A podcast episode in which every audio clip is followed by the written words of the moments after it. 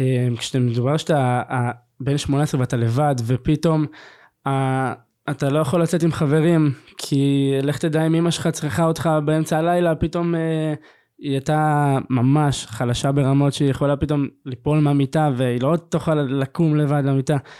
אז הייתי באמת במשרה מלאה רק בזה, ועצם זה שהעליתי את זה, אני קיבלתי גם המון תגובות נורא חיוביות, ממש כאילו של אה, איזה ילד חמוד, איך אתה עוזר לאמא שלך, איזה כיף לראות את הכיבוד הזה, וזה מה שנתן לי גם דרבון להמשיך ולהיות כל כך איתה, ו, וזה יותר חזק מהכל.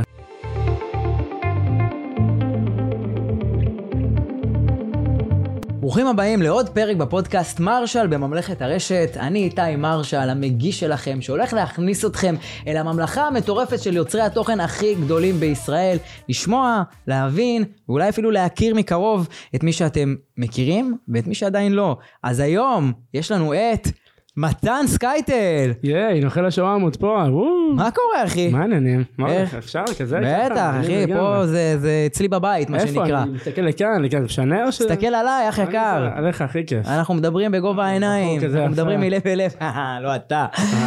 אה, אתה, תראה אתה מתחיל לי את הפודקאסט עם אה, נוכל השווארמות. מה קורה, אחי? עברת אה, פה איזה נו. טלטלה בשבועיים האחרונים? טלטלה, לא יודע מאיפה נפל בגלל סרטון. תמים ברכב עם חבר. אך שני שמנמנים שסך הכל אוהבים שווארמה. מה הלו"ז שמסרטון בטיקטוק אתה מופיע בכותרות בערוצי חדשות בטלוויזיה? אני האמת שאני גם לא יודע איך זה הגיע לזה.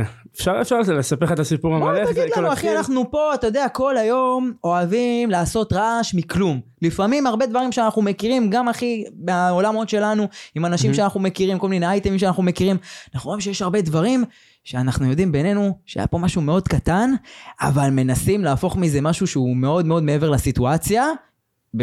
תכף נדבר על דברים מעבר, אבל מה שקרה פה, זה לא היה ברמת הרשת. שכולם דיברו על זה בתוך הרשת וזה נשאר שם. אנחנו מכירים שהדברים האלה קורים. שיש כל מיני ביפים בין שני יוצרים, או שלפעמים מדמים ריבים, אבל מה שקרה פה, לא היה שום דבר לדעתי שהיה מכוון באופן שחיפשת את התגובה של הצד השני כדי ליצור פה איזה שיח. אבל באיזשהו מקום זה נראה מהצד שזה חצה את הגבול? עד שזה הגיע לרמה של תחקיר בחדשות. זה הגיע ל... אז בוא, הנה, אנחנו כאן, לשמוע את הצד. אולי הצד השני ירצה להגיב, אבל זה לא, הוא לא חייב, אבל בוא נשמע אותך, אחי, אני זה כאן. הגיע לרמה שהייתי בסופר, בן אדם בן 40-50 בא ואומר לי, היי, שלא תחקוף אותנו בתור, אתה נראה לי נוכל, ראינו אותך בזה. טירוף, טירוף. אז מה, מה. מה, מה קרה שם? אני אספר לך מה קרה. אה, יש לי חבר מאוד טוב שקוראים לו רון, רון כהן, והוא שלח לנו, יש לנו קבוצה של חברים, ושלח מי רוצה לבוא איתנו לאכול שווארמה. אז כמובן, אה, אני זרמתי, אני בחור שאוהב שווארמה. מי, ש... מאיתנו- מי שעוקב יודע, מי מאיתנו לא אוהב שווארמה. אז הוא אמר לי שפתחו את השווארמה של שרדר, גם אני מכיר את גמליאל, כאילו מהטיקטוק פחות או יותר, כן. וראיתי שהוא, את הביקורות שלו והכל, ובאמת תפסתי ממנו כאחד ש... בכל זאת, מבקר עשה שווארמה. מ- מסרטונים, פתח עסק, לגמרי. מה שמגיע מגיע. נכון, לגמרי. ומעריך אותך מאוד על זה גם, יפה מאוד. ומפה לשם, אה, הלכנו לשם, הוא בהרצל, בראשון לציון. כן. קודם כל היה תור מטורף. ולמזלי היה שם איזה מישהו שאני מכיר, איזה ילד. וסיפרתי שם בסרטון שהבאתי לו 20 שקל, לא באמת הבאתי לו 20 שקל, זה סתם, אה, הוא רצה 20 שקל בצחוק וזה, כן. לא משנה. היה לנו, מה, כדי שהוא יקנה לכם את השווארמה היה ותחכו שם ברכב? תור מטורף, כאילו וואו. היינו צריכים לחכות שעה ומשהו. אני זוכר במקרה הייתי בראשון אה, השבוע בבוקר, שזה עוד לא היה פתוח, כי היה גם פסח, אז נראה לי הוא לא פתח. אמרתי, מה פה? ממש זה באמצע הרחוב, כאילו, אזור מאוד הומה, והוא יצר כן. שם תור פסיכי, אוקיי. כן, גם אזור ממש בעייתי לחניות וזה, אז בכלל זה סיכון מטורף. כן, אז זה שהוא הביא זה יפה מאוד, שאפו, שם דחיקה. אוקיי. אה, ואז אה, באמת, הילד באמת חיכה, וזה, והביא לנו את השו- את השווארמה. ואז אה, לא היה כל כך איפה לשבת, כי באמת היה טירוף. הלכנו לאוטו, עשינו את הביקורת, ובאמת, קיבלתי את מה שקיבלתי. רגע, אמרת, אני עכשיו אעשה ביקורת, אני אעשה איזה סרטון? כאילו, כן. אמרתם בערב אנחנו רוצים ללכת לאכול, ואז אחרי שהשווארמה הייתה ביד, גלגלת את זה למקום של בוא נעשה על זה ביקורת זה, בטיקטוק. כשהיינו כבר בתור, פתאום אמרנו, רגע, בואו נעשה ביקורת. זה, זה היה, פתאום אה, עלה הרעיון הזה, ואמרנו, ביקורת למבקר, מה שנקרא. נכון. יאללה, אמרת זה אייטם אני לא בשבילי. אשקר, אמרתי, טוב, זה, סרטון. זה, זה, זה תופס ממש. הכי, זה הכי מעניין שיש. ביקורת למבקר. יאללה. כמו שיעשו ביקורת לניב גלבוע פתאום. סבבה. מעניין. אז הלכנו באמת לאוטו ופתחנו את השווארמה וקיבלתי את מה שקיבלתי ואנשים אמרו, אה, אני למי שלא מכיר את הסיפור אני אגיד מה שקיבלתי, קיבלתי באמת לאפה בלי הרבה בשר וחתיכת שומן גדולה שאי אפשר לאכול. ואנשים, העליתי את זה לרשת, כן. והמון אנשים אמרו, בטח הוציא את הבשר, בטח... אה, אני אגיע לזה, אני כבר, אני אוקיי. קצת חותר בסיפור, אוקיי. אני אחזור אל הסיפור ההתחלתי. כי אני, אתה יודע, הסתכלתי על זה, ואז אמרתי, אוקיי, זאת ביקורת, סבבה, ואז ראיתי אפילו אנשים שהגיבו אה, דברים כמו כזה, וואי, אז לא שווה ללכת, כאילו, לא לעניין, לא מתאים. נכון. אולי הבינו שזאת פדיחה, אבל על פדיחה אפשר, פדיחה אפשר לתקן. לגמרי, לגמרי. הביקורת הזה, הזאת הייתה לא בכוונה של לפגוע בו בעסק, ביקורת באמת במטרה שלא אנשים יקבלו את הלאפה הזאת או את השומן הזה, כי באמת זאת ביקורת שהיא בונה בסך הכל, וזאת הייתה המטרה. ואז אה, באותו ערב, אחרי שהעליתי את זה, ראיתי שבאמת הסרטון התפוצץ, תוך כמה שעות כבר 300-400 אלף צפיות. סרט, סרט ממש טירוף. שזה בטוח הגיע לעיניו של גמליאל. ל... כן, לעינב, יפה, כן, חשבתי עינב ומישהי אחרת, לא משנה. אז זה הגיע לגמליאל, ובאמת הוא הגיב לי על הסרטון. הגיב לי תגובה הכי, בוקר, הכי אה, בוגרת שיש, ורשם לי שחברים זאת פתיחה, ו... וזה קורה, היה עומס, באמת, תגובה ממש בוגרת, ושהוא לוקח את זה לשלו ולתקן את זה. וגם- אני, תבוא פעם הבאה, אני אדאג לך. אה, כן, פחות או יותר, פחות. או יותר. ואז יום למחרת הוא העלה סרטון שהוא אומר, אה, למה אני צריך לראות ליצן שקיבל מנה, משהו כזה, כמו שהוא עושה את זה עם הקולות שלו אה. וזה, קרא לי ליצן. ואז אמרתי, טוב, יש פה איזה משהו, אם הוא קיבל את זה, זה למה שהוא יקרא לי ליצן? אבל באמת הוא הראה שהוא הוא לא רוצה יותר שיהיו שווארמה, שמישהו יקבל לאפה בלי בשר, וכל הדברים האלה שהיו בסרטון, הוא, חשבתי שהוא יתקן. מה שנקרא לחנך את הצוות. לגמרי. ובאותו לילה, אה, פתאום אני רואה המון המון תגובות ממנו, המון, באמת, איזה 20.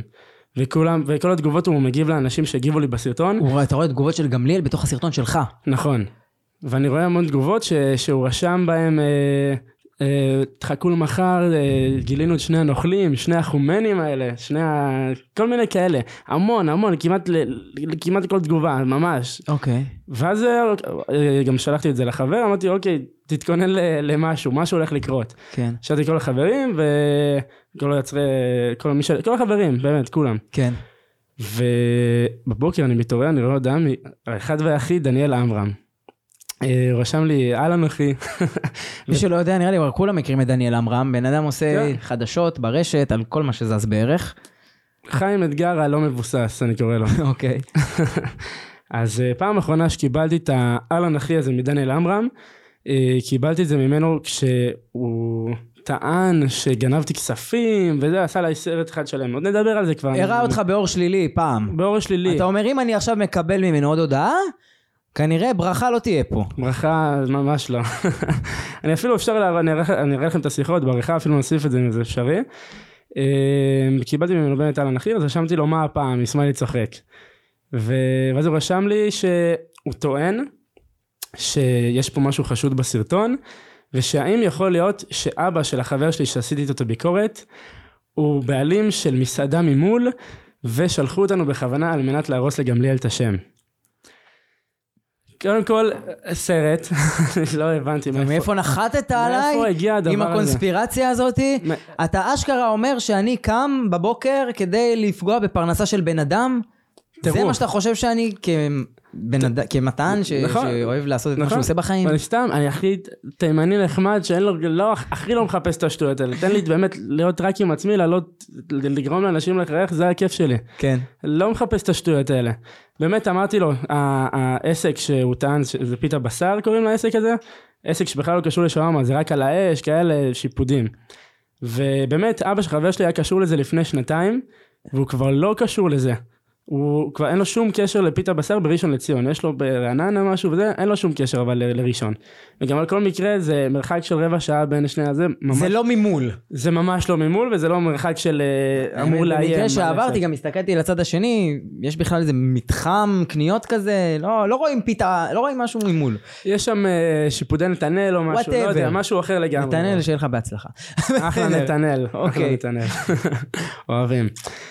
אז אה, באמת הסברתי לו שמדובר בחרטא אחת גמורה, ו...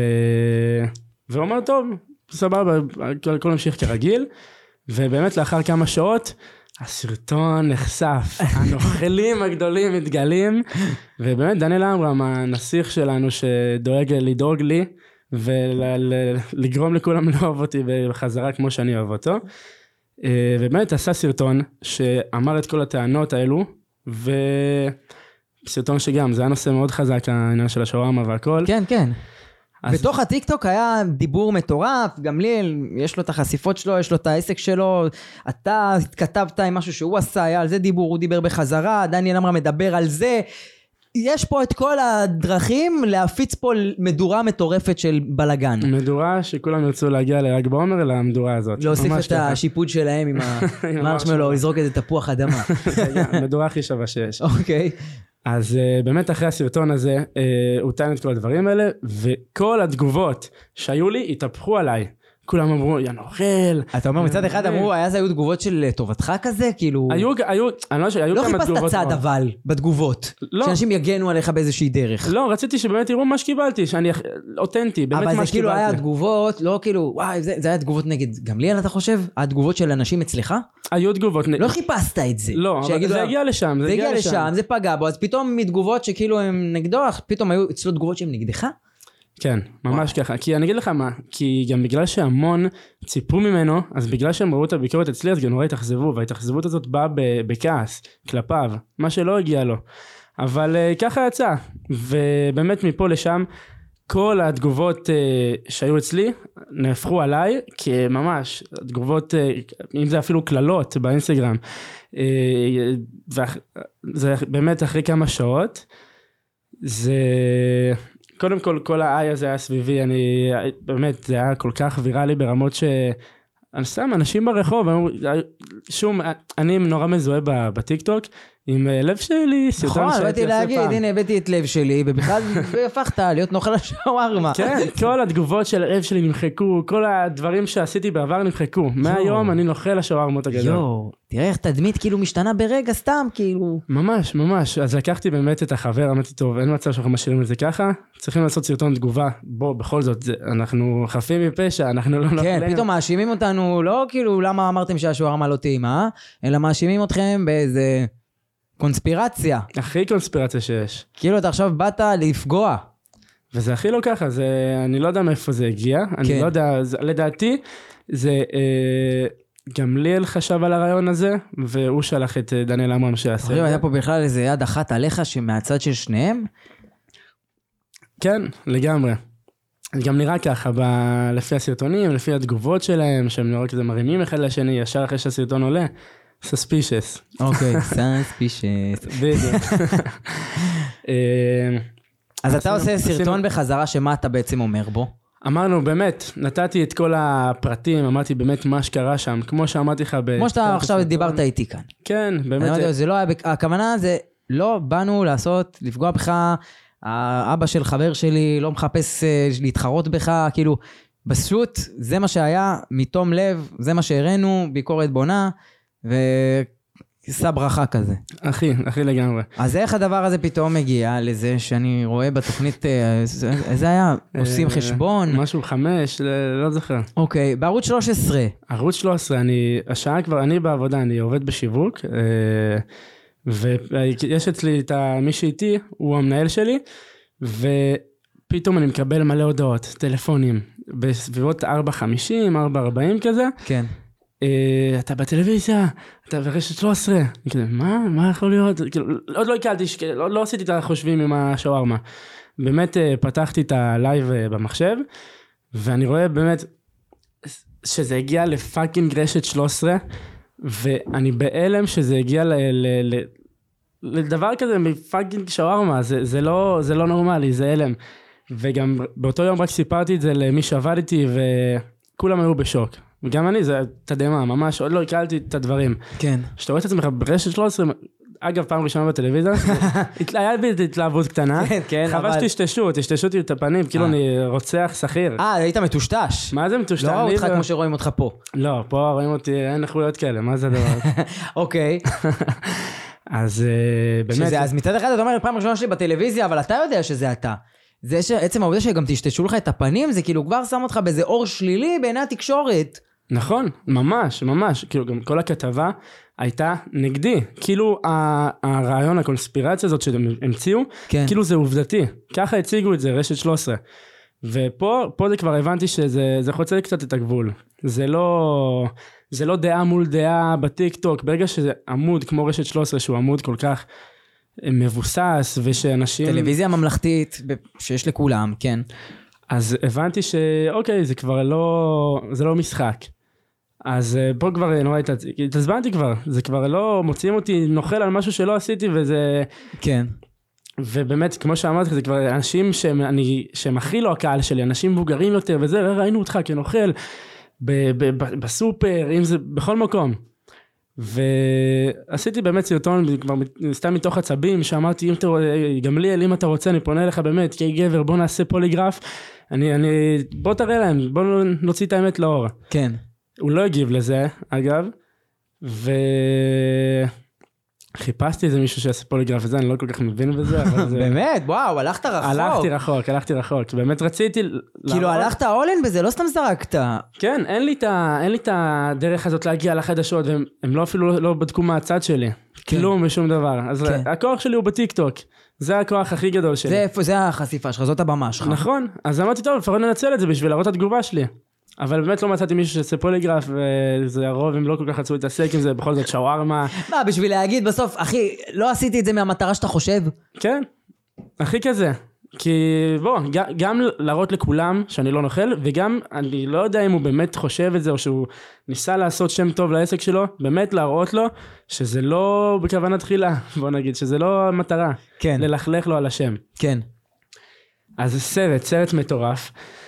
והאמת שדי בזה זה נגמר, מבחינת אה, אחרי שלא מצאתי פוליגרף וזה, ועשיתי סרטון של ה... שאני באמת רוצה לעשות פוליגרף, ובאמת כן. הכל די העניינים נרגעו, כולם כבר, אה, כבר לא רצו לחשוב על זה, שווארמה לא עניין אותם, כבר ביקורת לא ביקורת, כן. הבינו שזה בעצם די עבר את הגבול.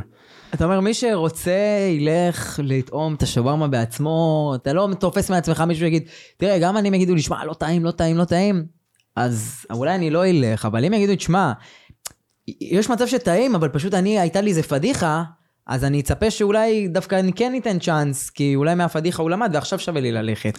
כן, גם, באו אליי ברחוב, אמרו לי, נו, איך טעים? טעים שם על השווארמה, את האמת, בינינו, זה זה.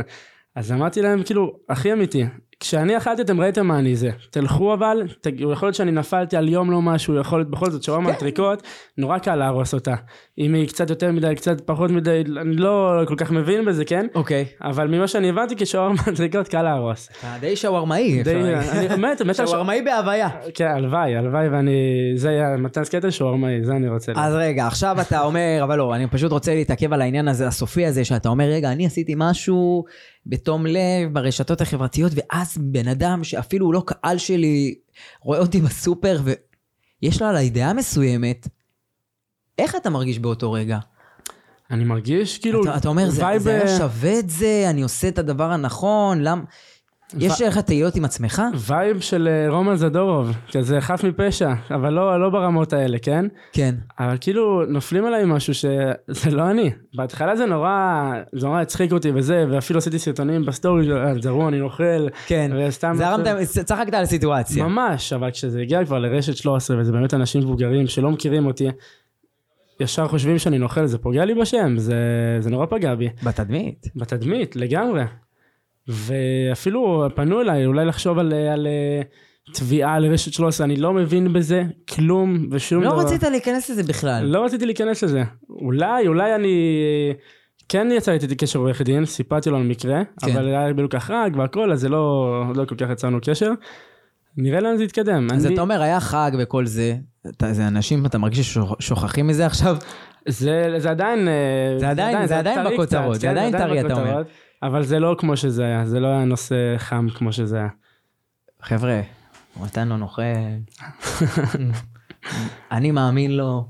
אבל בואו, יש דברים יותר חשובים, לגמרי. יש לגמרי. דברים שיותר כדאי להתעסק בהם, יש, יש מה שנקרא להסתכל על הדברים הטובים שאתה עושה, לב שלי. לב שלי. לב שלי, זה מה שאני- רוצה להיות. איך זה התחיל? מה, מה הלב קרה? שלי? כן. אני, קודם כל, יש לי כבר את התשובה הכי ברורה בעולם. אני גר בראשון לציון. אוקיי. נסגר הסיפור. לב שלי אתה שומע בכל פינה, בכל רגע. לב שלי, לב שלי, חיים שלי, לב כן, שלי. אני גר בתל אביב, פחות שומע את אז זה פחות ככה. שומעים, זה כזה יותר... אה, אתה יודע, בשבילי, לא שיש כזה פער, אבל אה, לא יודע, בתמהיל החברתי של איפה שאני חי, או שכן, אבל אני לא שומע את זה ככה. אז לא נפל לי האסימון שהסלנג הזה שהבאת ברשת, זה בגלל באמת מה שאתה חווה בתכלס איפה שאתה גר.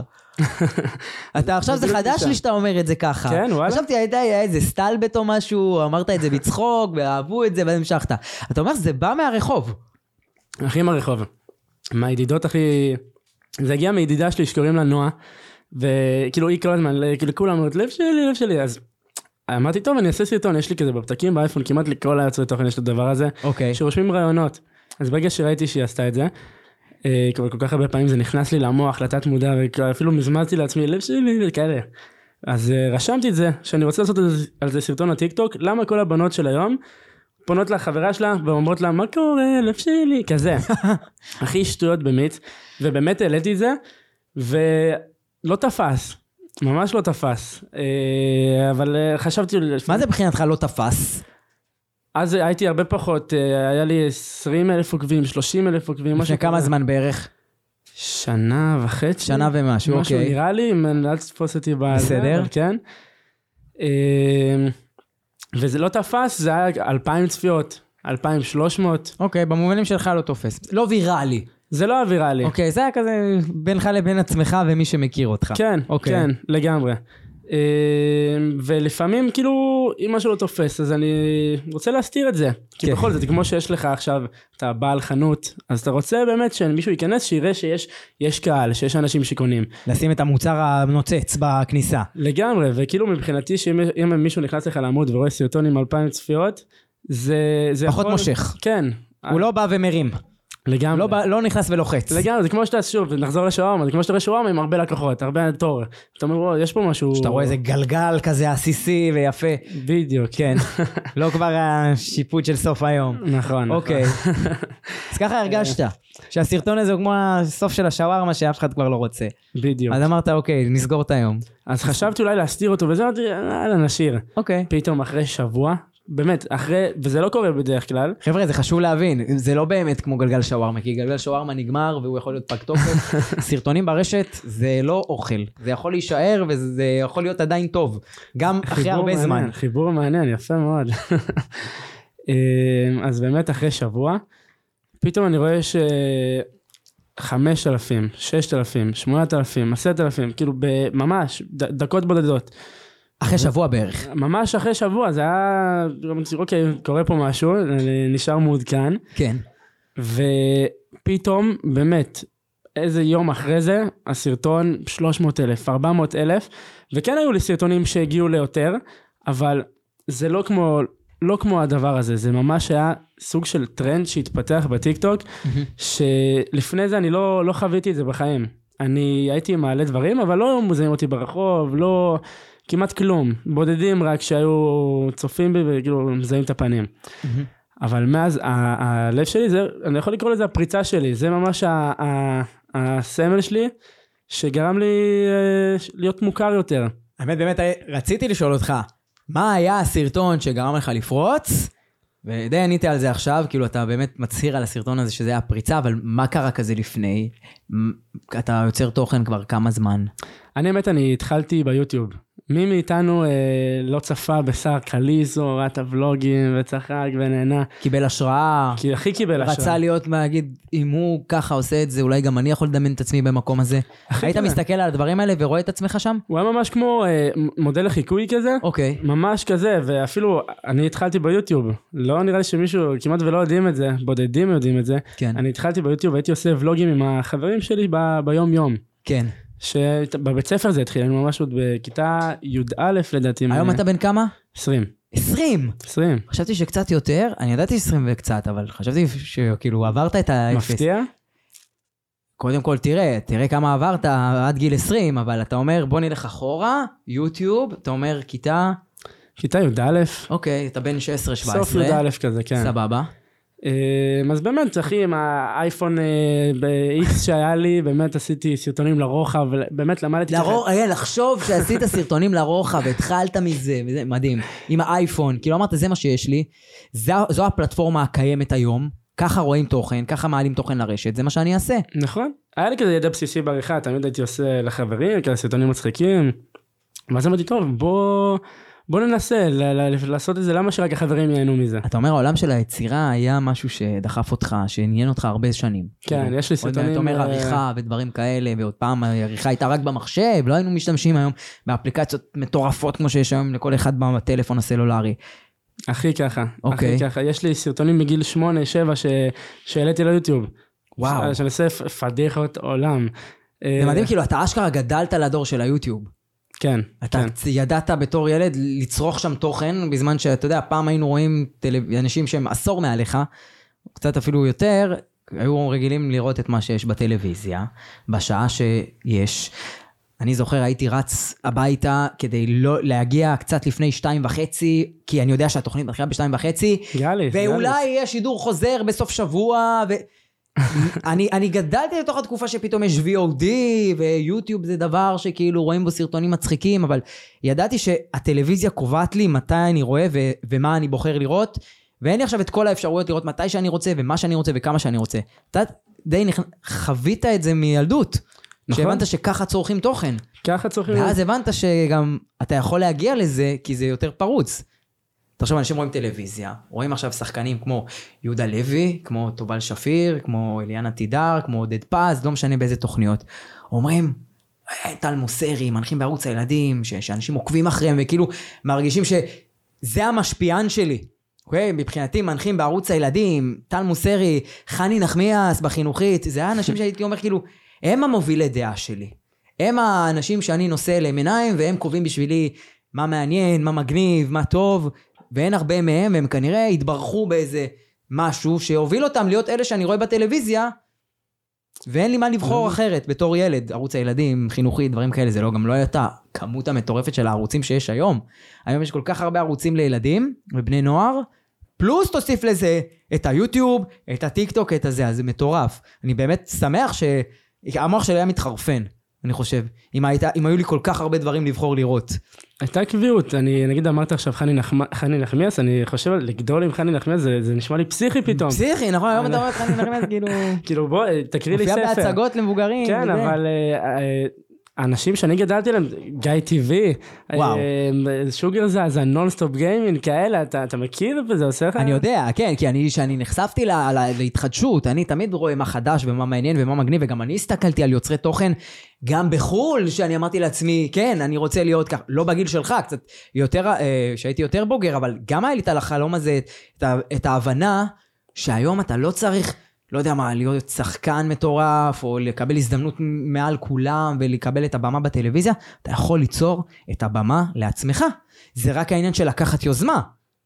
נכון. ואתה אומר, אני, אני ראיתי את כל החבר'ה האלה, אתה אומר, אה, גיא טיבי, שר קליזו, אני אגיד לך משהו שהוא... הוא- הבנת שהיה להם ביד ובראש משהו שגם לך יש עכשיו. כן, כן, ואמרת, אני יכול לעשות את זה. היה לי את הרצון הזה, מאוד, ממש היה לי את הרצון הזה. תחשוב כמה אנשים אומרים, להיות כמוהם. כן, אני יודע שעכשיו יש לו מצלמה ביד, והוא עם האינטרנט עשה אפלואוד, והוא בחר לציין את עצמו. תחשוב כמה אנשים כאילו מפחדים להחזיק את המצלמה בכלל, ולעשות את הפעולה החינמית לגמרי הזאת, שמאפשרת להם לעשות אותה, לא משנה איפה הם נמצאים. כן. ואתה אומר לקחת את האייפון, ועשית את זה. הבעיה הכי עיקרית זה להגיד, אוקיי, מה מה חברים יחשבו, מה יגידו עליי, במיוחד כשאתה ב- באזור גילאים של הבית ספר, כן. נורא כל אחד מבקר את השני וזה, לגמרי. ולפתוח משהו כזה, זה צריך אומץ. כי אני רציתי עוד הרבה מלפני, ורק בי"א כבר תפסתי את האומץ הזה. אז מה קרה, אתה אומר, אתה עשית ולוגים? רגע, אני אגיד גם משהו שרציתי להגיד. בבקשה. אה, גם אפילו, יש משהו שהוא נורא אפילו קצת צרט אותי עכשיו, אני לא כל כך אה, זה, נגיד אני גדלתי על המון אנשים כמו מאור גמליאל, אורן בקשי, שהיום אני, אני יכול לדבר איתם בוואטסאפ, ש... היום אתה נפגש איתם באירועים. כן. זה מטורף. זה, אתה, אתה מבין? כאילו, ש- בהתחלה- שהם היו בעולם הזה כשאתה הסתכלת עליו, זה אנשים שעדיין מתקדמים בתוך העולם הזה, אבל תוך כדי ההתקדמות שלהם, אתה גם התקדמת ונכנסת אליו. טירוף. אתה צמצמת פערים. כן. וכאילו אתה אומר פעם, איפה עכשיו תראה אותי אחרי חמש שנים מופיע בסדרה עם יהודה לוי? כן. זה- מי, מי מי יחשוב דבר כזה? אבל פתאום שאתה יכול היום להופיע בסרטון ביחד עם מאור גמליאל, כי מתוקף העובדה שאתה נכנסת לעולם הזה, שיותר קל לפרוץ אליו, כמו שאני אומר, זה די תלוי בנו ואיך שהקהל יתפוס אותנו, אז פתאום אתה מגיע לאותה השקה, אתה פתאום רואה את הבן אדם, אולי אתה מתחבר אליו ברמה האישית, ומחר אנחנו עושים תוכן ביחד. זה טירוף בין, טירוף. טירוף, כן, אני אני זוכר בפעמים הראשונות שראיתי את אורן או את מאור, אני, אימא למאור גמליאל, זה ולא הראיתי את זה, הסתרתי את זה בפנים, הייתי כזה בהשתוקקות כזאת, כן, כן. אבל כאילו, היי, מה העניינים, אה, יש לי טיקטוק כאלה, איזה עולם. זה הכי כזה. איזה עולם אנחנו חיים בו, כאילו החלומות והדברים שאתם רואים, הם יכולים להיות שלכם גם. ממש, ממש ככה. אז באמת, אה, נחזור ליוטיוב, אה, העליתי, והכי לא תפס, כאילו, 50 צפיות, זה 70 אחוז אה, אני מפרופילים פיקטיביים כאלה. כן, לא הייתה את החשיפה שיש היום, אבל... זה, ביוטיוב היה הרבה יותר קשה להצליח מאשר בטיקטוק. אני יכול להגיד לך ככה. לא היה טיק טוק בתקופה לא, שאתה מדבר נכון, עליה. נכון. היה מיוזיקלי? היה מיוזיקלי. אבל גם. התוכן היה שונה לגמרי במיוזיקלי. לרוב כאלה. ריקודים, טרנזישנים, זה לא היה תוכן. כן. היה- התוכן היה ביוטיוב. הכל היה ביוטיוב, זה היה הפלטפורמה היום הכי טיק טוק חזקה. בינינו, אחי, מתחרים ביוטיוב. מנסים לעשות סרטונים ארוכים, הם מנסים להביא את היוצרים משם, אנחנו פתאום רואים שיש קורלציה. אני נכנסתי לטיק טוק, כי ראיתי יוטיוברים שמספרים ש... נגיד הייתי רואה דברים בחו"ל, וסתם, לדוגמה, איזה בלוגר של אופנה לגברים, עושה סרטון, אחי, 15 דקות, פעם בשבוע, אני רואה, לומד, מעניין- מתעניין, פתאום הוא מספר, and check out my TikTok channel. כאילו, אחי, מה אתה... מה? מה אתה עושה בטיקטוק? יש ילדות שרוקדות בחדר. ואז אני קולט, הבן אדם אשכרה מעביר תוכן שמתכתב עם הערכים והמידע שהוא מוסר ביוטיוב, פשוט בטיקטוק קצר. אמרתי, וואו, אני יכול בעצם לעשות בטיקטוק מה שאני רוצה. אני לא צריך לחשוב שהכל זה, כמו שאמרנו, אה, טרנדים וטרנזישנים. ממש ככה, גם היה את הוויין, שזה היה שמונה שניות שאתה שם, אתה מכיר את הוויין? בטח. לוגן ש- פול היה מלך הוויין, הוא התחיל משם. כן, כן. ואז זה נסגר, ואני אז- חושב שזה עשה טוב למי שזה היה צריך לעשות טוב. פחות תפס בארץ. כן, פחות תפס בארץ. אז אתה אומר היית מעלה דברים ביוטיוב, אבל לא ידעת שאתה...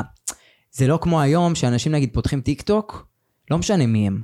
לא משנה אפילו אם זה אנשים בתחילת הדרך שלהם ברשת, או שזה יוצרי תוכן או בעלי עסקים או משהו כזה. כאילו היום יש ציפייה שאני אפתח טיק טוק ויהיו לי מלא צפיות ומלא עוקבים. כי, כי זה קורה. זה קרה לי, זה קרה לך. אבל עם היוטיוב אז, שאתה אומר שהיית בן 17-16, לא הייתה לך ציפייה שאני אעלה סרטון והוא יכול להגיע ל-100 אלף צפיות בלילה. אתה אמרת לעצמך, רגע, תקן אותי אם אני טועה. אני אשכרה יוצר פה משהו. אני אשכרה יוצר תוכן. מעלה אותו לרשת, מצלם, עורך, אני, עוש... אני בעשייה פסיכית שהולכת להעצים אותי בהמשך של החיים שלי כנראה. היית ב... ב... זה היה ה mindset? אני של נורא... לעשות ולנסות? כן, לגמרי, כאילו אם לא תנסה לא תצליח, אתה חייב להתחיל ממשהו. אבל אף פעם לא הייתה לך המחשבה ש... וואו, אם אני, כל כך, אם, אני, אם אני אעשה את הדבר הכי טוב עכשיו, אז מחר אני אהיה סער קליזו הבא. לא. אתה ידעת שזה משהו שלוקח שנים, אבל צריך להתחיל ממשהו. הכי וצריך לאהוב את זה. צריך לרצות לעשות את זה, כי בא לנו על ליצור, לא בא לנו להיות מפורסמים. ושיגידו, וואו, אני גודל עליו עכשיו, כמו שזה. ידעתי שהדרך אה, לא תהיה קלה, אבל אה, נורא האמנתי בתוכן שהעליתי, אפילו אם זה הכי החברים והכי התחלה, כן. נורא האמנתי בתוכן הזה, וכאילו די הייתי אומר אתה אומר, לעצמי, הנישה, המחשבה, הרעיון היה מה שקורה עם החברים שלי. כן, הכי כזה, היה לי חבורה כזאת מגניבה כזאת בבית ספר, והיינו עושים באמת מתיחות, שטויות, אה, הכי, כל אחד מיוחד באופן משלו, וזה היה, זה, זה היה ממש לא רק אני בזה, אותי אפילו הכי פחות ראו, כן. אבל אני הייתי סוג של... ה- ה- המפיק. כן, מי שמצלם, מפיק, עורך, ואומר להם בדיוק ממש מה, מה עושים, איך עושים, במאי, זה. תסריט. כן, אחי- היית... כן, לא בדיוק במאי תסריט, אבל כאילו כזה, בסדר, אבל. היית האיש מאחורי הקלעים גם. כן, הבן אדם שמרים את הדבר הזה, שמוציא אותו לפועל. נכון, וקצת תפסתי איזה סוג, סוג של אה, כזה קהל שחוזר, וזה, ממש הגעתי, הצלחתי להגיע לממוצע של 2,000, 3,000, 4,000 צפיות, אוקיי. שאני ממש, זה היה לי ממש כזה כיף, כי... אחי, אתה אומר, בואנה, אלפיים איש רואים אותי. ממש, ממש. זה לא שתיים. זה זה- לא רק אה, אימא ואבא. ההכרה הראשונית הזאת זה, זה מדרבן אותך, ממש. ואז פתאום, כמו שאמרת, כולם הגיעו לטיק טוק. הרבה אנשים פתאום, "אה, אתה בטיק טוק וזה, ואני לא, לא היה לי טיק טוק כל כך. גם הייתה לי חברה אז שממש אמרה, אל תעלה טיק טוק, זה מביך, כאלה. ממש כאלה. אז אה, באמת לא נכנסתי לעולם הזה, והמשכתי ביוטיוב בשלי. וכמה חודשים לאחר מכן, באמת אני רואה שהחשיפה שלי מתחילה לרדת במקום לעלות. וניסיתי להעלות משהו לטיקטוק. העליתי איזה קטע שהכי מפגר בעולם. עבדנו על אה, ידידה שלי שנפל לה המוח, משהו כזה. היא קצת אה, טרלללה. עומר, אוהבים אותך.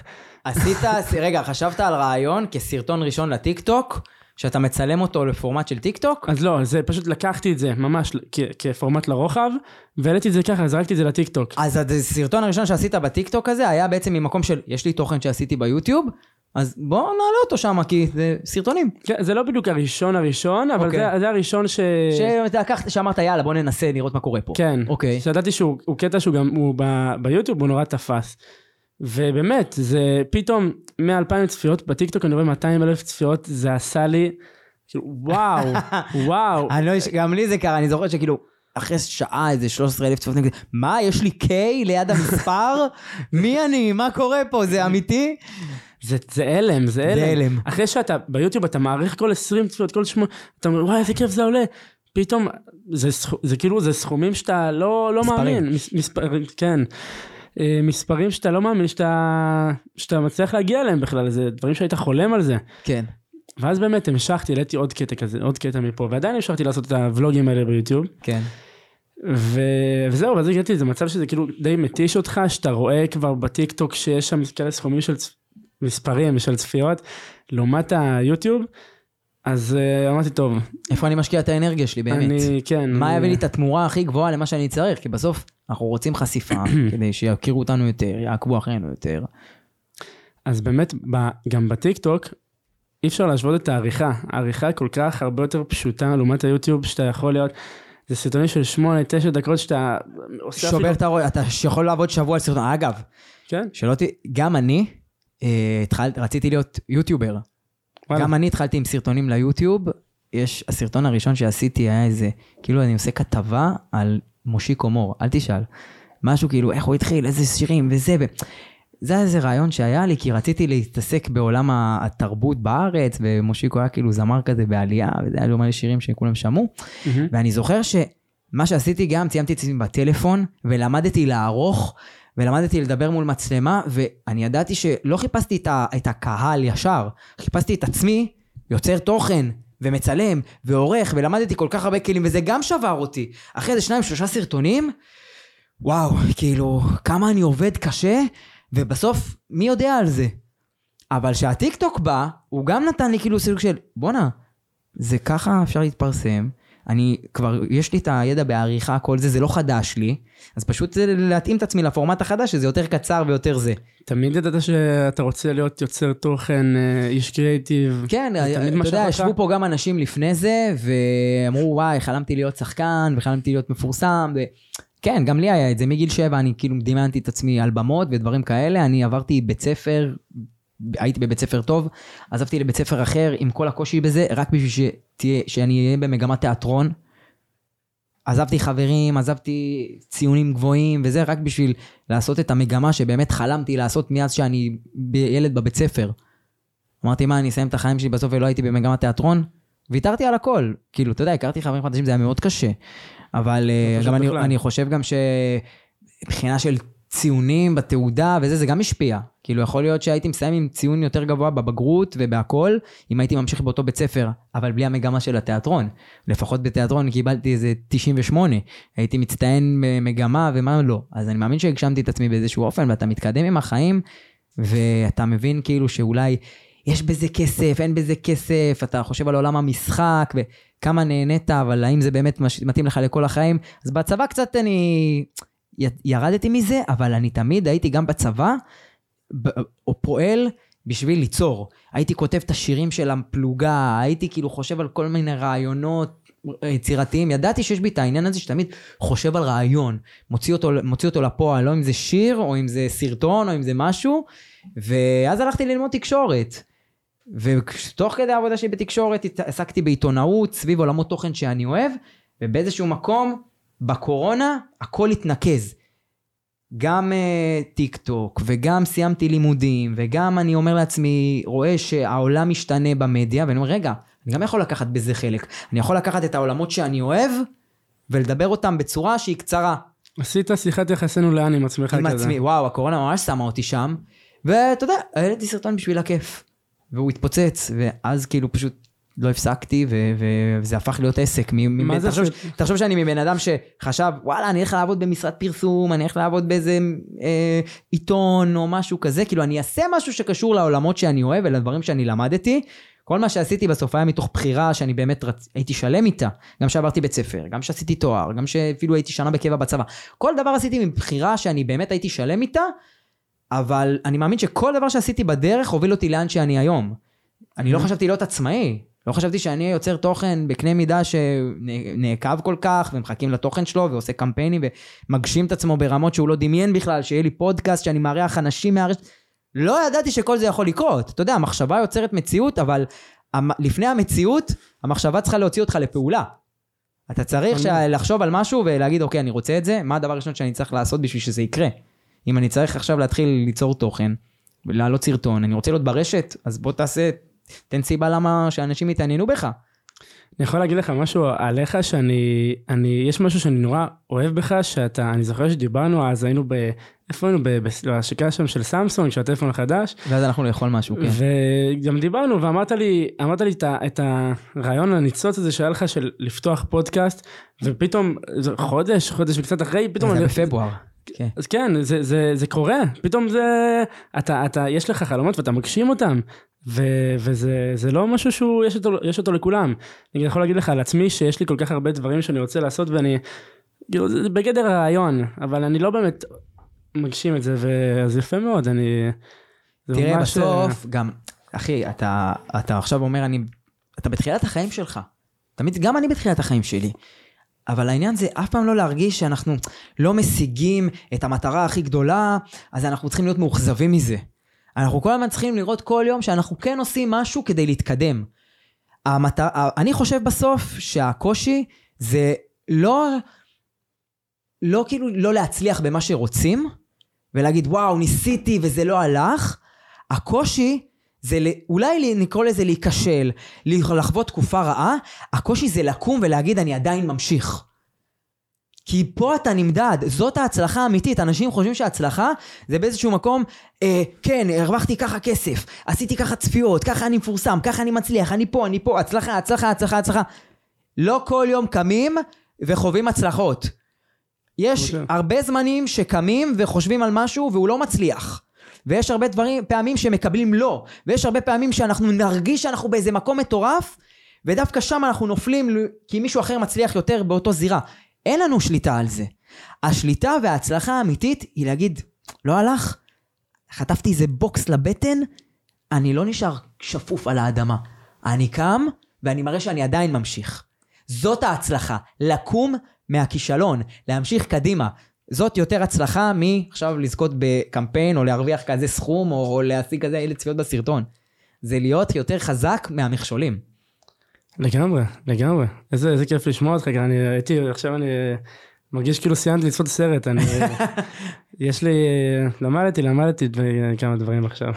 למה לא? גם מרוקי למדנו הרבה. לגמרי. איזה מכשולים אתה חושב שחווית בחיים שבאמת עזרו לך לקום? כי בוא, אתה פה, הנה, גם גמליאל היה סוג של... יכולת להגיד, יואו, כולם כועסים עליי ו- ולהיות זה, ואמרת, לא, אני אלך ואני אצחק על הסיטואציה. אני אלך ואני אעמוד בה. אחי, זה גם, זה גם לקום ממשהו. גם קיבלת כמה צביטות לחזה. כשאנשים אה, ירדו עליך או כתבו דברים כאלה שהם נגדך. אני יכול להגיד יש לך... אנשים שהיו הולכים אחורה ואומרים, אני זהו, אני, אני פורש, אני, אני לא מעלה תוכן, אני לא בא מול זה. קמת. כן, אה, דווקא ספציפית מהשווארמה, אני פחות חושב סתם, זה, כן. אני, אני, בגלל זה אני רוצה לשאול אותך משהו קצת יותר משמעותי. אז אה, יש לי משהו מאוד משמעותי, שזה היה כזה ממש להמשיך או לא להמשיך, זה בערך כשהתחלתי קצת עם הטיקטוק, ממש טיפה אחרי הלב שלי, שהיה לי סביבות ה-40 אלף אה, עוקבים. אה, אימא שלי אה, חלתה בסרטן. והגיעה למצב שהיא ממש צריכה אותי בכל דבר. אז עבדתי, עבד, כאילו עזבתי את כל העבודות שעבדתי בהן, ובאמת נשארתי רק איתה. אבא ב- שלך איפה היה? אבא שלי, אני פחות בקשר איתו, אבא שלי הוא בן אדם נורא כזה, אה, עבודה, גברים עובדים, כן.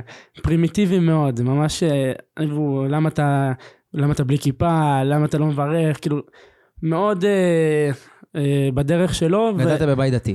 ולא בדיוק דתי, ההורים שלי היו גרושים מגיל קטן, אה, אוקיי. אז הייתי- אה, אתה אומר היית גר עם אימא. הייתי גם אימא, אבל אה, כן היו לי הבזקים כאלה מאבא של אה, פעם בקשר, פעם לא בקשר, וכל פעם שהייתי איתו בקשר זה היה נגמר בפיצוץ עוד יותר גדול. באיזה גיל הם התגרשו שהיית? ממש קטן, שלוש, ארבע. אז אתה, אתה חי חיים, כאילו, מבחינתך, הורים נפרדים. כן, לא ידעת בערך מה זה באמת שההורים גרים ביחד. נכון. היית ילד של אימא.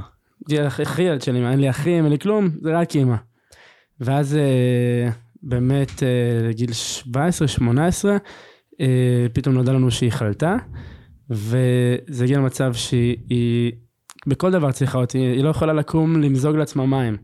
אז עזבתי את כל העבודות, ופה אני אמרתי לעצמי, אוקיי, מה, מה אני עושה עם הטיקטוק? אני ממשיך, אני לא ממשיך, אני, אין לי זמן לעשות כבר סרטונים, אז באמת הגעתי למצב שאני... מה ההרגשה? כן, עכורה. אה, לגמרי. אתה אז, מרגיש שהמצב של אימא שלך הולך ומחמיר? אז, אז באמת לא עשיתי את הסרטונים שהייתי עושה פעם, אם זה רעיונות וכאלה, אז אמרתי לעצמי, אוקיי, או שאני עוזב עכשיו את הטיקטוק ואני נותן 100% מאימא שלי, לאימא שלי, או שאני פשוט מצלם את מה שאני עובר ומה שאני מרגיש. ובאמת החלטתי, באמת, אה, אם זה שנשר לה שיער, צילמתי הכל, את כל התהליך שעברתי איתה, שגזרתי לה, היה לה קרח, ואז פתאום גם קרחת. באמת העליתי, זרקתי הכל לטיקטוק, לא היה אכפת לי מה יגידו ומה הכל. כאילו אתה אומר, אני בחרתי לא להפסיק ליצור תוכן, אבל אמנם לא יכולתי לחשוב ולעבוד על רעיונות כמו שהייתי עושה, אבל בגלל שאתה חי את העולם הזה של הרשת וה, והסרטונים, ואתה יודע ליצור תוכן, אמרת, נשתמש במצב הקיים, אני אחיה את המצב כמו שצריך, אבל אני פשוט אתעד את מה שקורה. הראיתי את החיים האמיתיים שלי, באמת פשוט מה שקורה. הבאת- כאילו, בחרת לחשוף. ממש. במקום לא להעלות כלום, כי לעשות את מה שעשית קצת לפני, לא הרגשת שאתה יכול, אמרת, אני אעזור אומץ, ואני פשוט לא אנצל, אבל אני אראה את המצב הקיים. נכון. במקום לא להראות כלום, אני אמשיך, אבל זה מנקודת מבט אחרת. זה גם דורש הרבה אומץ. אמ, כן, כן, זה לא לי פשוט, במיוחד גם אה, אה, כשאתה מדובר שאתה בן 18 ואתה לבד, ופתאום אתה לא יכול לצאת עם חברים, כי לך תדע אם אמא שלך צריכה אותך באמצע הלילה, פתאום אה, היא הייתה ממש חלשה ברמות שהיא יכולה פתאום ליפול מהמיטה, והיא לא תוכל לקום לבד למיטה. אז הייתי באמת במשרה מלאה רק בזה, ועצם זה שהעליתי את זה, אני קיבלתי גם המון תגובות נורא חיוביות, ממש כאילו של אה, איזה ילד חמוד, איך אתה עוזר לאמא שלך, איזה כיף לראות את הכיבוד הזה, וזה מה שנתן לי גם דרבון להמשיך ולהיות כל כך איתה, ו, וזה יותר חזק מהכל. מדהים, כאילו, אתה אומר שקיבלת תמיכה מאנשים אמיתיים.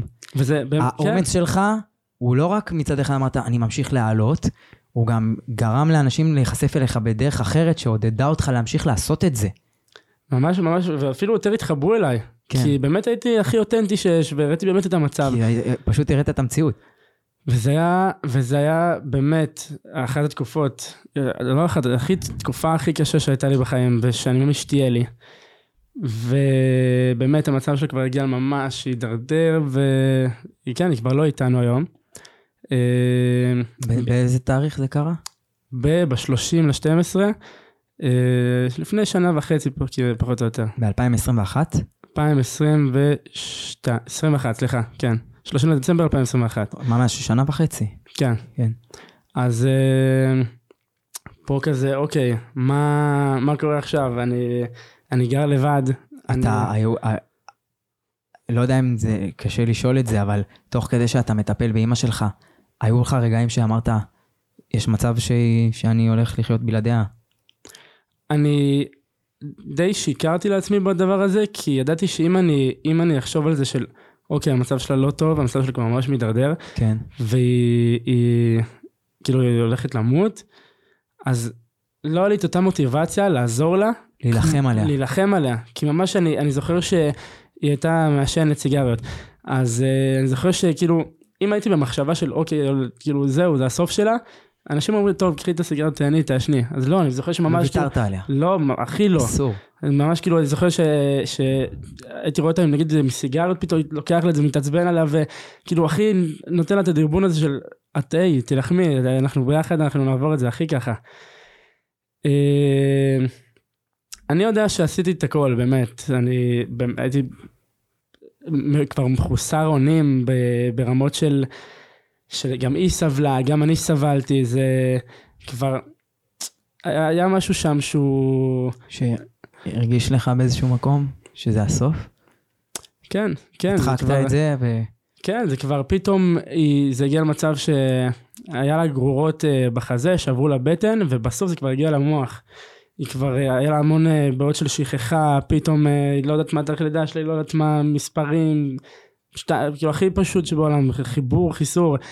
כן, המוח סרט. כאילו מתנוון לגמרי. כן, מאבד את כל מה שהיה. ואז באמת קצת התרחקתי מהטיקטוק, תקופה קצרה, ו... וזהו, היא נפטרה, ובאמת סיפרתי להם את הכל. ב... ביום, יום אחרי שנפטרה, סיפרתי להם, ו...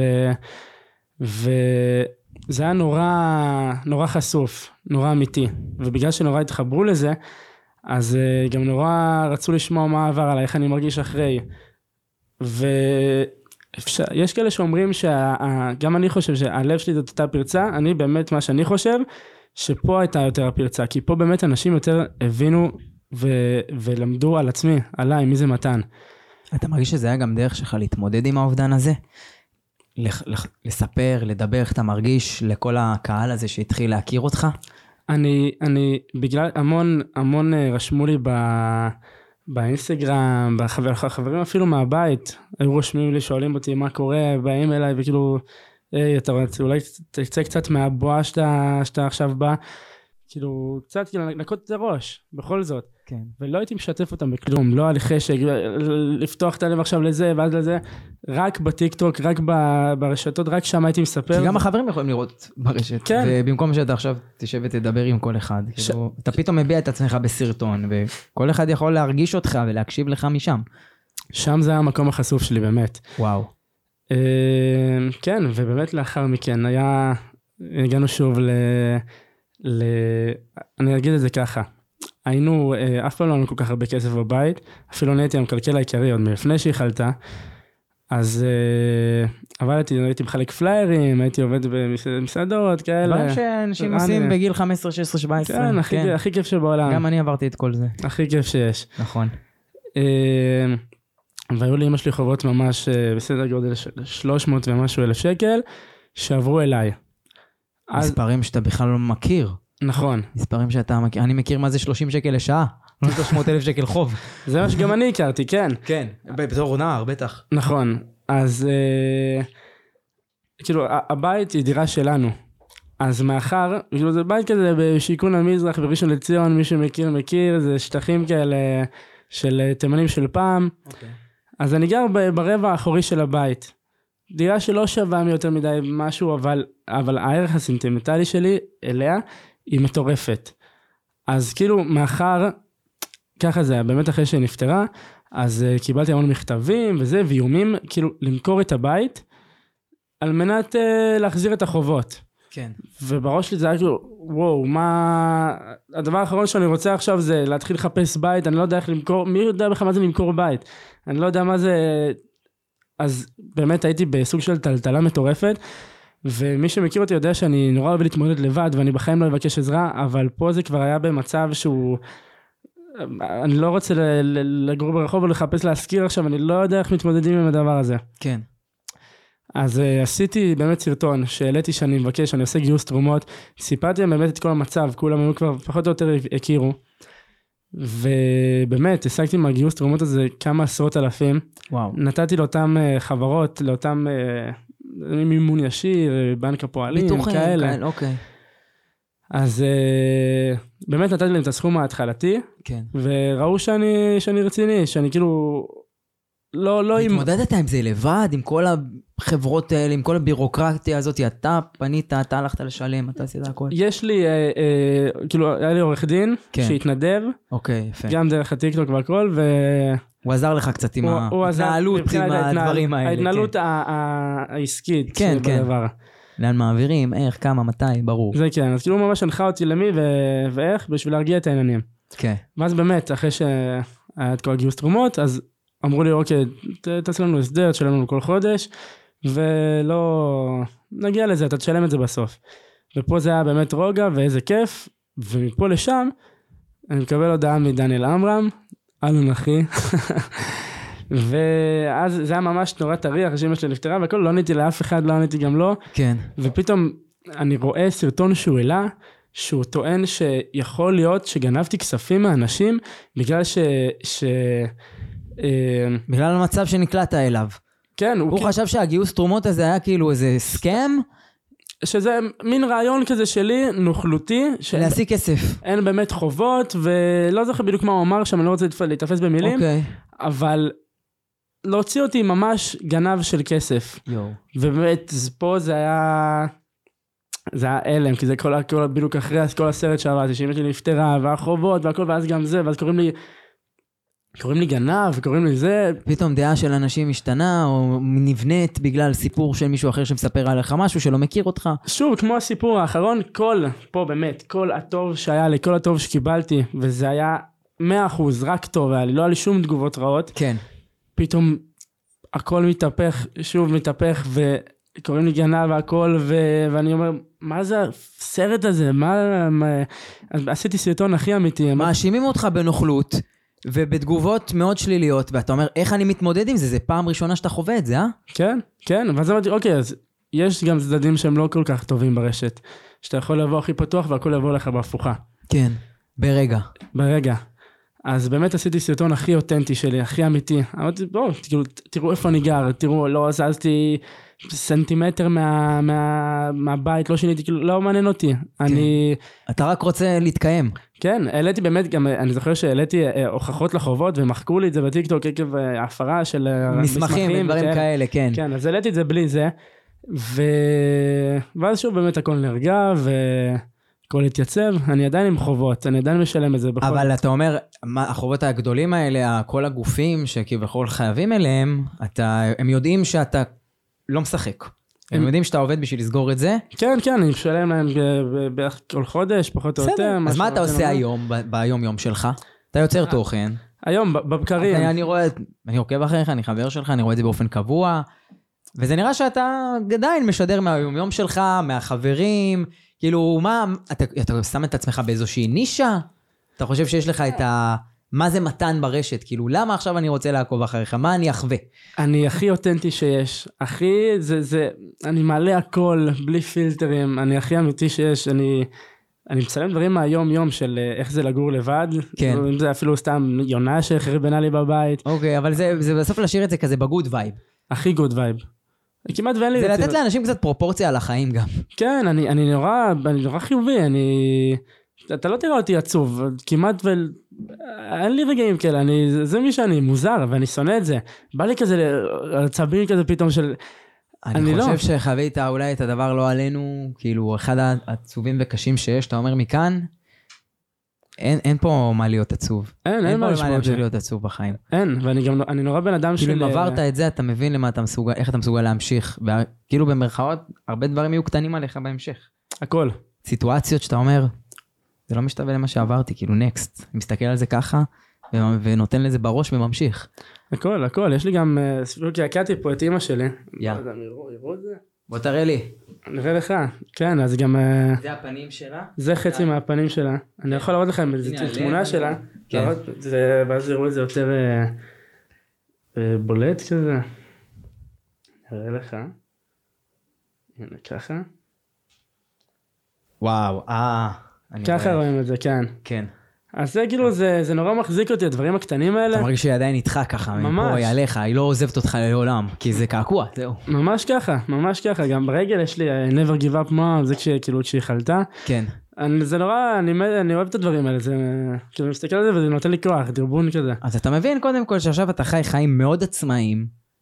יש- אתה מתעסק במה שאתה מתעסק, אתה גם עושה דברים, שאתה עושה קמפיינים, אתה עושה דברים שהרשת יכולה להוביל לאיזשהו סוג של הכנסה, אבל עכשיו עם כל מה שאתה עושה ומה שהגעת עד היום בתור מתן, יוצר תוכן, איפה אתה רואה, לאן אתה רואה שהחיים שלך מתקדמים, מה, מה השאיפות שלך מעצמך?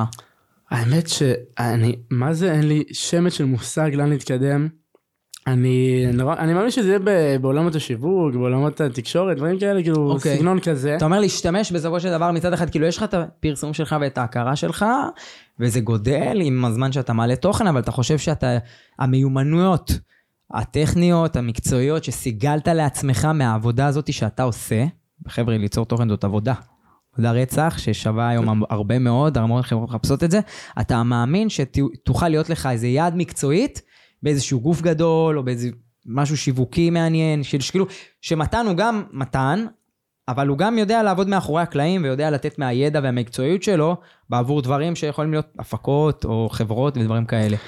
כן, כן, אני כרגע אני עובד ב, בשיווק של חברה שקשורה להסתדרות, מופעים, מצגות וכולי, שקוראים לה פרנדס, ו, ואחר הצהריים אני, אני כאילו עושה טיק טוק וכולי. אז, אז באמת... אתה משלב גם עבודה day job, ממ-המ. שאתה די מרגיש שאתה נותן את ה... אתה לא סתם עובד שמה. כדי לעשות משמרת. אתה עובד שם כי אתה גם עושה משהו שיש לך בו ידע והבנה ורצון, ואז בהמשך אתה גם משלב את היצירת תוכן האישית שלך. בסופו של דבר, צריך שמשהו שידפוק וייכנס כל חודש. כן, לגמרי. זה מישהו פה צריך להחזיר חובות. וזה גם, אה, זה נותן לי את השילוב הזה של בין אה, לחשוב קריאיטיב על דברים, לבין גם מקצועיות. כי בטיקטוק אני, כאילו, פרסומות וכאלה, אבל אני לא ממש, זה לא כמו להיות בחברה שאתה... מצפים ממך מדברים והכל. יש פה אחריות, יש פה פרויקטים מתגלגלים. אחי, הרבה חבר'ה שהם גם יותר בוגרים ממך, והם יוצרי תוכן, אתה יודע, הם חיים מהרגע של עצמם לרגע הבא. ואתה פה בונה משהו שאתה מבין שזה לא תמיד רק מתן מול הרשת, ומה שהוא יעשה זה מה שיקבע את מה שהוא, איך שהוא יצליח, אתה גם בונה לעצמך קריירה מקצועית, ואתה מבין את זה בגיל כל כך מוקדם. אני חושב שזה מטורף, וזה משהו שבאמת יכול להוביל אותך הרבה מאוד זמן בהמשך, כי יש חבר'ה שהם יותר בוגרים ממך, שהם עוד לא חושבים על זה, וזה בסדר, אבל יש, יש לך עכשיו איזה פורום מסוים להמשך של החיים שלך, וזה משהו שאני תמיד דוגל בו. אני תמיד יכול להיות באיזה מעמד מסוים, ושכולם יכירו אותי, ותמיד אני אהיה כאילו בעיניים של האנשים, ומה יקרה שלא יזכרו אותי, ומה יקרה שמישהו, שאני לא אצליח ברמה שאני רגיל להצליח בה. תמיד אני דואג שיהיו לי את הכלים שאני יכול להשתמש בהם בכל דרך, שלא בהכרח הרשת או הטיק טוק או היוטיוב יקבעו אם זה יהיה טוב. לגמרי, לגמרי. וזה אני בעד, אם אני אומר, אני חושב שזה אפילו טיפ שאתה יכול לתת לאנשים. אני אחשוב על זה, כן, אני צריך לדעת איך להגיש את זה כמוך, וזה טיפ מושלם. אני, אני אבוא לקורס. לבסס ידע מקצועי מעבר רק לפרסונה שאתה מבסס. כן. אז עבודה, טיק טוק, מה קורה בשעות הפנאי? מה מתן אוהב לעשות? אני אגיד לך, יש, יש המון אנשים ברשתות שאתה, הם עושים את מה שהם אוהבים והם מקדמים איזה משהו מסוים, אם זה קורס, אם זה שירים, אם זה, יש להם איזשהו, איזשהו, כן, איזשהו חלום. אין לי חלום, אני לא יודע, אני פשוט אוהב, אני, אני אוהב... חי את הרגע. אני, הכי ככה, אני אוהב שאנשים אומרים לי, בוא'נה אחי, הצחקת אותי. מת על זה, זה, זה עושה לי כיף. כן. זה, זה הכיף שלי. מה בעתיד וזה, אני לא יודע, אולי... אה, אה, להיות פרזנטור של משהו, אולי על מופע, לא יודע, אני באמת, אין לי שמץ של מושג, אין לי כיוון. אבל אה, אני מחכה להצעות, אני יודע, אני זורם, אני ממש זורם. חי את הרגע, כמו שאמרת. ומה אתה אוהב לעשות בלי קשר למקצ... לחיים שלך? מה אתה אוהב לעשות בשעות הפנאי? אז יש דברים שלא יודעים עליך. דברים שלא יודעים עליך. היו פה אנשים שסיפרו שיש להם, שהם מנגנים לי פסנתר. אחי, אתה מנגן לי פסנתר? פלג, פלג. נכון, היא סיפרה את זה, עלית עליה. כן, היא מוכשרת בשושו, החפרפרת הזאת. אה, אם זה משהו שלא יודעים עליי, אני כאילו, שוב, אני נורא פתוח, ואז כאילו, אני יודעים עליי הכל, אני מאמין. כן. נורא תחרותי, אוהב כדורגל, זה, אוהב את החברים. הכיף שלי זה להיות עם החברים שלי מהבית, שהם המשפחה שלי. אין לי באמת את המשפחתיות הזאת כמעט, אז החברים שלי מהבית זה ה... זה השקט שלי. כל פעם שאני משעמם לי וזה, אני קופץ לחבר וזה, וככה אני גם מסתדר מבחינת, אם זה בגלל שאני גר לבד, אז האוכל וכאלה, זה דואגים לי. זה הסביבה הבטוחה שלי. אתה אוהב, אה, אתה אומר, לעשות ספורט, נשמע. כדורגל, חולה על ספורט. משחקי כדור, כן? מי כמוך יודע, יא שור. אה, אתה יודע מה? אז אנחנו עכשיו ניכנס לפינה. אש או טרש עם מתן סקייטל על ענפי ספורט. יאללה. תן לי בהיידה. היידה. כדורגל. אש. למה? אה, כדורגל זה, זה הנשמה, זה כמעט כל מי ש, שהיה הרבה ברחוב בתור ילד, זה אין, אין, אין, אין, אין דבר כזה להמשיך בלי כדורגל, אתה... אני, יש משהו ב... אני לא יודע איך להסביר את זה, אבל הלהט הזה של ה... אני יכול כל יום לשחק כדורגל, לא משנה עם מי, עם ילדים, אני רואה בני שמונה מקפיצים כדור, אני אומר, תן לי, תן לי פרס, כאילו, טירוף, אני חי את זה. כדורסל? אה, כדורסל, אני אגיד לך מה. ניסיתי כמה פעמים לשחק, זה אש, זה אש, אבל זה אש, כי יש פה עניין וזה, אבל אם יש את התחרות בין כדורגל לכדורסל, כדורגל לוקח קל. אבל אתה משחק? מנסה, מנסה. אני לא, צריך, אה, צריך עוד גובה בשביל זה, זה יש שם פה רציני לגבוהים שמבינינו. חדר כושר, משקולות, הרמות. אה, אני אגיד לך מה, בגלל ש... אה, אני נגיד, אני כן, אני רשום לחדר כושר ואני הולך והכל, אבל אני, אני שונא לראות אנשים שמצלמים ומעלים ו... לא יודע, זה דפקת כזאת אצלי של כאילו... לא יודע, אני לא רואה סיבה להעלות את זה, לא יודע למה. אז אה, ניתן לזה אש. זה אש קטנה, אבל אליו כזה שנגמר הגז בזה, כזה, פיפא, טרש. וואלה. אין, רמה רק... אתה יודע, היום פיפא זה ענף ספורט, יש יש כן. נבחרת ישראל בפיפא. אני יכול להגיד לך על פיפא, שלא משנה אם אתה מוביל או לא, הפיפא בוחרת מה שהיא רוצה, היא עושה לך את הקורבינות שלה. אם אתה רוצה לריב עם חבר, מישהו שאתה זה, צריך להגיד לו פיפא. אבל אתה לא לוקח את זה כ... אני אשקיע בזה באמת. לא. אני, אני לא בעד פיפא. רוקט ליג, אה, כאלה, זה משחקים אה, פצצה. אה, אז אתה גם קצת גיימר פה ושם. מה זה, אין על... חייב להיות גיימר. וואלה, איזה משחקים אתה אוהב? הכל. כאילו, ממש... אה, אני לא אוהב את ה... לא הכל בעצם, אני לא אוהב את ההרפתקאות וכאלה, אבל יותר Call of Duty, אה, הייתי פורטנייט לשעבר, כן? אה, במחשב אתה משחק בעיקר? לא, בסוני, בסוני פלייסטי- פלייסטיישן. זה הקונסולה שלך. כן, אתה גיימר? אתה, יש לך את ה... שמע, אני אוהב את כל העולם הזה, אני גם נוגע בו, אני מדבר עליו ומסקר אותו, אבל uh, אם אני אתחיל להיכנס לגיימינג, ברמה שאני עכשיו צריך להשקיע בזה שעות, כמו שאני משקיע עכשיו בכתיבת תוכן, וכמו שאני משקיע בלראות סדרות וסרטים וזה, זה ישאב אותי, ואז הדברים האחרים ילכו אחורה. אז אני צריך להבין מה הגבולות זמן מסך שאני יכול אה, לתת לעצמי, אבל פייר אני אגיד לך, אני ממש אה, מתחבר לאחרונה לנינטנדו סוויץ', ואני. שוקל כבר אה, להתחיל... אה, נינטנדו זה הדבר הזה, לא? כן, אתה יודע, זה התחיל מגיימבוי. היה לך גיימבוי? לא, מה זה? אני לא יודע מה זה אפילו. וואו, תקשיב, זה אתה מחזיק אה, כמו, כמו פאנל כזה שיש לו מסך. עם אוקיי. כפתורים בצד או למטה אפילו לפני, והיית מכניס כמו קסטה כזאתי שיש בה משחק. וואלה. משחקים של פוקימון, של מריו, של קירבי, של כל מיני דברים, והיית רואה את זה על איכות של פיקסלים. והיית כאילו לוחץ על הכפתורים כמו שאתה לוחץ בפלייסטיישן ורואה את זה על מסך גדול, אתה פשוט רואה את זה על מסך שאתה מחזיק ביד.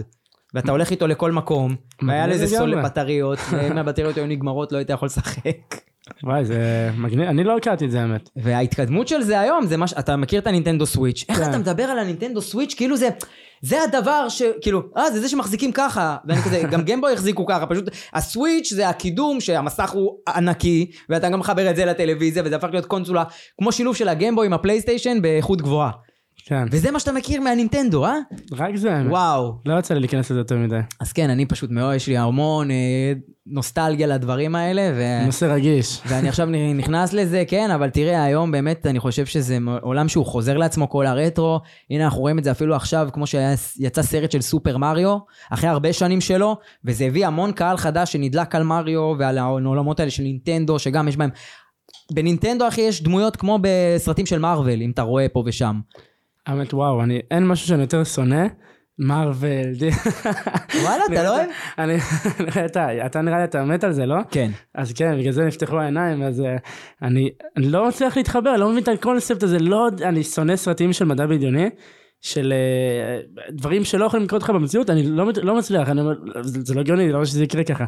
משהו אצלי, לא יודע, לא מתחבר אבל לזה כל בכלל. הכיף זה לראות את האסקפיזם הזה, לראות, וואו, יש דברים שהם מחוץ, מעבר לעולם הזה, והם נותנים לי כאילו הרגשה שאני רואה, אני נהנה לראות משהו שאני בחיים לא אראה במציאות, כאילו, קורה. אז אני שונא את זה. אני כאילו, אני כאילו נכנס אשכרה לסרט, ואני חי בסרט, תוך כדי. כן? כאילו, אני מרגיש שהמציאות שלי, פתאום אני במציאות אחרת.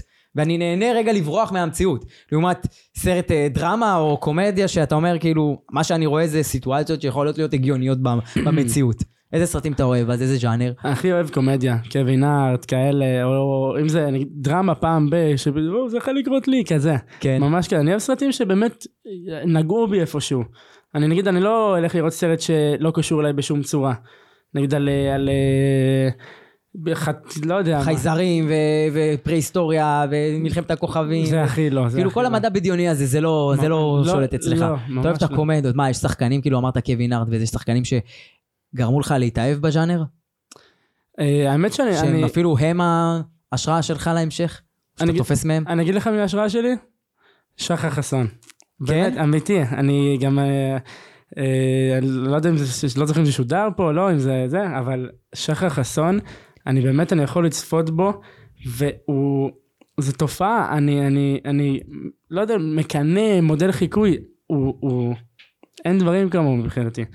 אני איכשהו, בתור סטנדאפיסט, שהוא כל פעם ממציא את עצמו מחדש, כל שבוע הוא מעלה קטע של 20 דקות, 20 ומשהו דקות, וכל פעם עושה משהו אחר, קטע אחר, אני הייתי כבר מעל שמונה סטנדאפים שלו, שמונה סטנדאפים, ב live. כן. וכל פעם זה משהו אחר, וזה משהו שעוד לא יצא לי לראות בישראל וגם לא בעולם. אין, אני מעריץ את הבן אדם הזה. וואו, אז אמרת, הסתכלתי על שר קליזו, הוא היה ביוטיוב, הנה גם אתה על המסכים ומופיע ברשת, אתה רואה היום את שחר חסון, אתה הולך לסטנדאפים שלו. זה משהו שאתה אומר בלב, וואלה, אולי גם אני אעשה את זה.